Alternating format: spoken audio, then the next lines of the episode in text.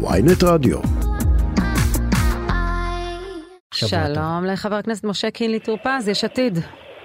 שלום ממשכן הכנסת, ישי ושרון. שלום, שלום.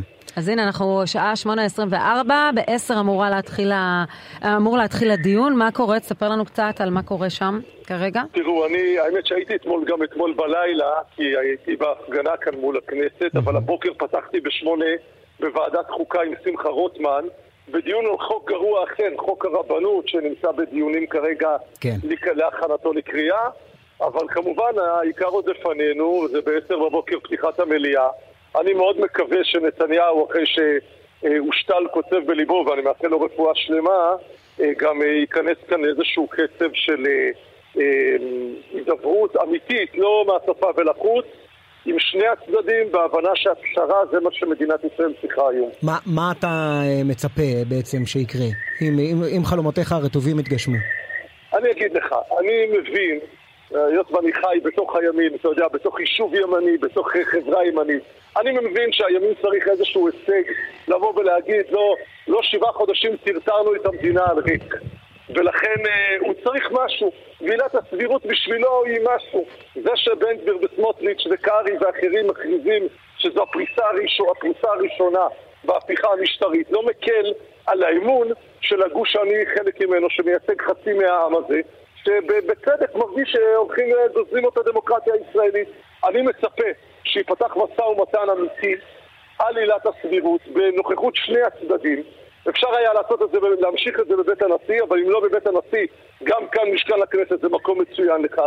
אבל השאלה אם אמרת את זה ללפיד המנהיג שלך, זאת אומרת, לא, כשאתה אומר לא צריך לתת משהו, הוא מאזין לך, הוא מקשיב? אתה מכיר את הקהל, ממנו אתה מגיע. זו עמדת ראשי האופוזיציה, אנחנו אמרנו, אם תהיה הידברות אמיתית, אנחנו מוכנים לדבר על הכל. מה שאנחנו לא מוכנים, זה שבר הסלטים של בן גביר ייפתח במוצאי שבת, וששר האוצר ידבר על שיטת הסלאמי, ושרים בכירים בליכוד יגידו זו המנה הראשונה. זה בצדק מקפיץ חצי ממדינת ישראל, אני חושב שיותר, שבאה ורואה כיצד גוזלים את הדמוקרטיה הישראלית. חבר... אי אפשר להיתמם ולומר... זו כבשת הרש, זו לא. חבר הכנסת משה קינלי טופז. זה ימים קשים לעם ישראל. כן. בדיוק, בוא נדבר על זה. יש לי, אני, אני ככה, יש לי... אנחנו מנהלים איזה שיחה ארוכה, אני ואתה, כבר כמה שבועות. נכון. עכשיו, אתה, אחד מהאתוסים המכוננים של הקריירה הציבורית שלך, ואני לא אומר את זה בזלזול בכלל, זה שב-2005, בזמן שהציבור, שאתה אומר בעצמך, אתה גר ביישוב דתי, הציבור שלך כביכול חווה משבר מול המדינה, והתחילו דיבורים על אולי סרבנות, אולי אה, אה, אה, נשתמש בכוח, הרי אה, 50% מקורס קצינים זה דתיים וכולי וכולי. אתה אה, אה, הרמת דגל ואמרת בשום פנים ואופן לא לסרבנות, הקמת ארגון בשם יום פקודה, שאמר אפילו שאנחנו מוחים נגד התהליך הזה, אפילו שאנחנו חושבים שהוא אסון למדינת ישראל, אנחנו בשום פנים ואופן לא נכניס את זה לשורות הצבא. איפה הקול הגדול הזה היום אל מול תופעת הסרבנות, התייצבות הכי גדולה בתולדות המדינה? איפה? אז, אז בוא אני אגיד לך, אני מזכיר לך שמי שיצא נגדי אז, הרי מול מי יצאתי? למה הקמתי תנועה עממית עם מאות קצינים דתיים שחתמו עליה? כי היו מולנו גם רבנים לא מעטים, נכון. גם אה, אח של נתניהו ואבא של נתניהו, שכן קראו לסרבנות. נכון. לשמחתי, רוב הציבור, אז אני חייב לומר לך אפילו באופן אישי, היה לי אז חייל, חייל אה, אה, מתנחל דתי שסרב פקודה, היה לי מאוד קשה איתו, ונאלצתי בעצם להוציא אותו מהיחידה, אה, אחרי ניסיונות של הכלה שעשיתי כמפקד. חייל סדיר, לא, כן?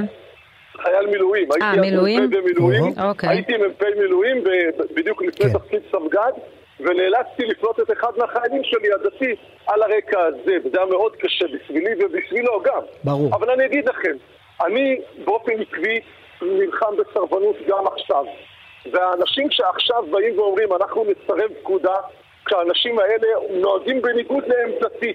אוקיי. ואני אה, כן בא ואומר... אבל, אבל כשיושב ראש מאוד- המפלגה שלך נשאל על זה, הוא אומר, אה, הסרבנים האמיתיים יושבים בממשלה, ממשלת המשתמטים. קודם כל, קודם כל ראש המפלגה שלי צודק. ואיפה אתה האחריות הציבורית? איפה האחריות הציבורית? האחריות הציבורית שלנו אומרת, אנחנו נגד סרבנות, אבל מול, מולנו נמצאת ממשלה קיצונית ורעה, שנתניהו הוא הסממן השמאלי שבתוכה. שהלוואי, באמת זה, זה אבסורד שאני אומר את זה, הלוואי והאנשים שלו היו קצת מקשיבים לו. כי מה שקורה זה הבריונים שהוא גידל בליכוד, אתה מתחמק לי, חבר הכנסת קינלי טור פז. האתוס המכונן שלך הוא שדווקא כשהמחנה שלך נמצא תחת מתקפה, להרים את הדגל ולהגיד לא לסרבנות. היום, חוץ מגינוי רפה, איפה הקול הזה קיים ביש לא- עתיד? איפה? גינוי רפה, זה לא- הכל. תקשיב, ישי, מה שקורה כרגע בתקשורת, זה שהתקשורת מחפשת בכל דרך איך מוצאים את ה... אנחנו מגנים את הסרבנות בכל כוחנו. אנחנו אומרים את זה, אנחנו קמים נגד זה. יש הבוקר מאמרים שקוראים לי לומר את זה. אתה יודע, אין עיתון דתי וחילוני שלא התראיינתי בו בחודשים האחרונים, ואמרתי את זה בצורה בולבה, וכך גם יאיר לפיד. אבל זה, מה קורה? זה בכלל לא האישיו. מה שקורה כרגע, שיש אנשים שבניגוד לעמדתי, בניגוד לדעתי, בניגוד לרצוני, אומרים אני ככה לא יכול לשרת, זה בעיקר מתנדבים. בצדק מציינים... כבר לא, כבר לא נכון. כבר יש הרבה, יש הרבה חיילי מילואים בחובה, ואף אחד לא הדיח אותם כמו שאתה עשית לאותו חייל. כל, אה, לצערי הרב, גם זה כבר קורה, אני יכול להגיד לך, מתוך שורות הצבא, כחבר ועדת החוץ והביטחון, וכאדם שטובי חבריו משרתים, שנאלצים להיפרד מאנשים. אבל שוב אני אומר, איך אפשר לבוא, אנחנו באים בטענות לאנשים שקוראים להם את הלב, שהלב שלהם נקרע. אתה באת בטענות לאנשים כאלה. אבל הוא גם זה כאן, האתוס המכונן מתנגד של לזה. הקריירה הציבורית שלך. שאני לא, אומר, אבל מעבר רפה, המחנה, איפה הקריאות זה- לעצור את הטירוף הזה? איפה האחריות שלך ושל חבריך, כמובילי דעה, בסדר, במחנה, שעכשיו מרגיש באמת תחת אה, אה, אה, מגפי הממשלה ונוקט באמצעים קיצוניים, לצמצם, ומעבר לגינוי רפה, לציוץ בטוויטר, איפה הפעולה הציבורית אמיתית נגד אה, תופעת הסרבנות הכי גדולה בתולדות המדינה? איפה? אז בוא נזכור, קודם כל, אני מאוד מקווה שהיא לא תהיה הגדולה בתולדות המדינה, שהיא לא תהיה זה כצעקתה. כבר קיים. אבל שוב, רגע, ישי, רגע, שנייה. בוא נזכור שההתנתקות שכל הזמן אנחנו חוזרים אליה היא אירוע פנים ימני, כן? הימין הוציא את הימין מרצועת עזה. מנהיגי שכוח, הימין נו. בחרו, לא, לא, בוא נזכור את זה, זה לא, מה כי- שהיה. תראה, אני אף פעם לא... אני אף פעם לא הייתי ו- ו- בשמאל. והימין, לא, והימין פלט מתוכו את, אה, ש- שרון בתוך כדי האירוע. אבל עדיין ממשלת. הליכוד, שבו מדברים כאילו, לא משנה. כאילו יש עתיד הוציא הוציאה את, אה, הליכוד- ההתנצחות. בדיוק, הליכוד הוציא את הציונות הדתית אוקיי. מרצועת עזה, זה האירוע. אוקיי. עכשיו, אחרי שאמרתי את זה, אני חוזר ואומר, אנחנו נגד סרבנות, אנחנו בעד שמירה על צבא העם. מי שהביא אותנו למצב הזה וקורא אותנו זה נתניהו בחולשתו, ואמרתי את זה גם אצלך. ועכשיו אי אפשר לבוא ולהאשים את הנפגע שכל הזמן, למה, למה כשהוא נפגע הוא צועק איי? אז אבל, אני אומר אבל, ככה, אבל ב-2005, נתניהו, ב-2005 תעצור, אתה היית אתה מקבל דבר כזה שאומרים תקשיבו אנחנו נפגעים פה, קורעים לנו את הלב, רומסים אותנו, מגרשים אותנו מהבתים שלנו ועוד מטילים את המשימה על צה"ל ולא על המשטרה ולכן אפשר, לה... בסדר, מי שאחראי זה הוא שרון ולא אף אחד אחר. לא, אתה קראת קול גדול, הרמת דגל נגד הקונספט של להכניס את צה"ל לתוך הוויכוח הפוליטי, גם במהלך קשה, אבל גם עכשיו הוא קורא, הוא עונה לך 20 פעם אותו דבר. הוא גינוי הוא עונה לך שוב. לא רפה, תוך כדי משחקי מילים, הסרבנות. בוא, ו- חברים, ו- בואו וגינוי- נתקדם. שי, אני כן. היום לא, לא קבוצה אזרחית, אני היום פוליטיקאי. והיום אני קורא גדול אחריות עוד יותר משק... הנה, והיום אני קורא עוד יותר חזק משקראתי אז, נגד סרבנות. ואחרי שאמרתי את זה, בוא נפסיק את הסימטריה המוטעית בין ההתנתקות שהימין עשה לעצמו לבין הקריאה הדמוקרטית שהימין עושה היום למדינת ישראל, ואחרי כל זה אני קם ואומר, לא לסרבנות ולעצירת החקיקה הנה, אפשר לשים. נקודה, הוא נתן לך את ה- את מה שרצית. עכשיו אנחנו, עכשיו... אה, נוהגים להשתמש בקואליציה וגם ראש הממשלה בלפיד שתמך בצמצום עילת הסבירות. אה, דרך אגב, גם באהרן ברק שעכשיו מוציא גילוי דעת, ממש בעת שאנחנו מדברים, נשיא בית המשפט העליון כן, בדימוס. אה, לאחרונה נוהגים גורמים פוליטיים ובהם ראש הממשלה להסתמך עליי כאילו אני מסכים או משלים עם הצעת החוק לביטול או צמצום עילת הסבירות המונחת עכשיו לפני הכנסת לקריאה שנייה ושלישית. ההסתמכות עליי כדי להצדיק הצעת חוק זו אינה ראויה ואינה נכונה.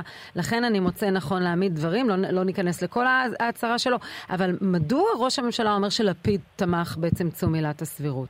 למה אתם לא מבהירים את זה?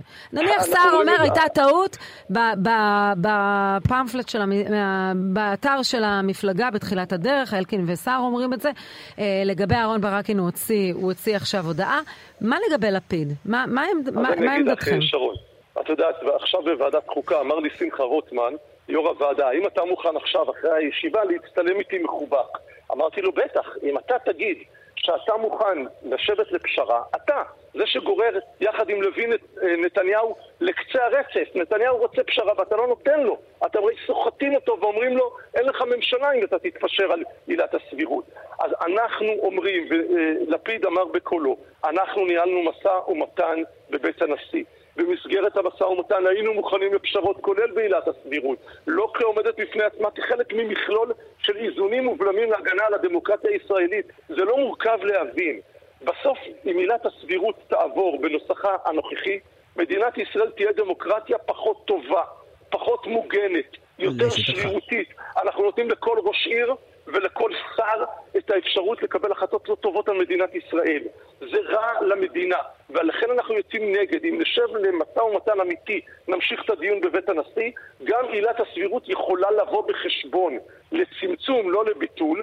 יש איזונים ובלמים בצד השני. מה שקורה לנו כרגע זה גם ביטול העילה, וזה גם שיטת הסלאמי. נגד זה אנחנו יוצאים ואומרים זו לא תהיה דמוקרטיה ישראלית. חברים יקרים, זה נורא פשוט להבין. ולכן, אל תבואו ותגידו לנו, הסכמתם פה, הסכמתם שם. אמרנו את זה בצורה מאוד ברורה. כמו שאני נגד סרבנות, אני מוכן לדון בעילת הסבירות בהקשרה הרחב, בצורה מאוד ברורה. כאשר אתה נותן איזונים ובלמים על כל השאר. אם אתה אומר לי לא, עכשיו, ונדבר אחר כך על, על שאר הדברים, על הוועדה לבחירת שופטים ועל פסקת התגברות, ואנחנו רואים את רשימת הקניות של בן גביר סמוטריץ' וגם של גפני. אז אנחנו באים ואומרים, עד כאן. אבל איזה ברירה השארתם להם? מאוד חד וברור. איזה ברירה השארתם להם? סליחה, לעצור ולחזור לבית הנשיא או לכל מקום אחר כן, להידברות. כניעה מוחלטת או שלא נגן על לא, אזרחי מדינת ישראל? לא, ממש לא, זה לא כניעה מוחלטת, הרי אנחנו מוכנים להתפשר, ישי, זו לא כניעה מוחלטת.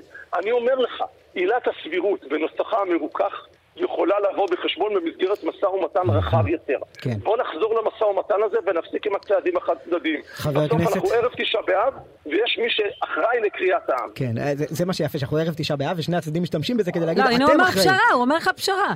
חבר הכנסת כן, משה הם לא פז. יש עתיד, שלום לך, אני לא תודה. שומע אף אחד מהצד השני שמציע פשרה כמוני.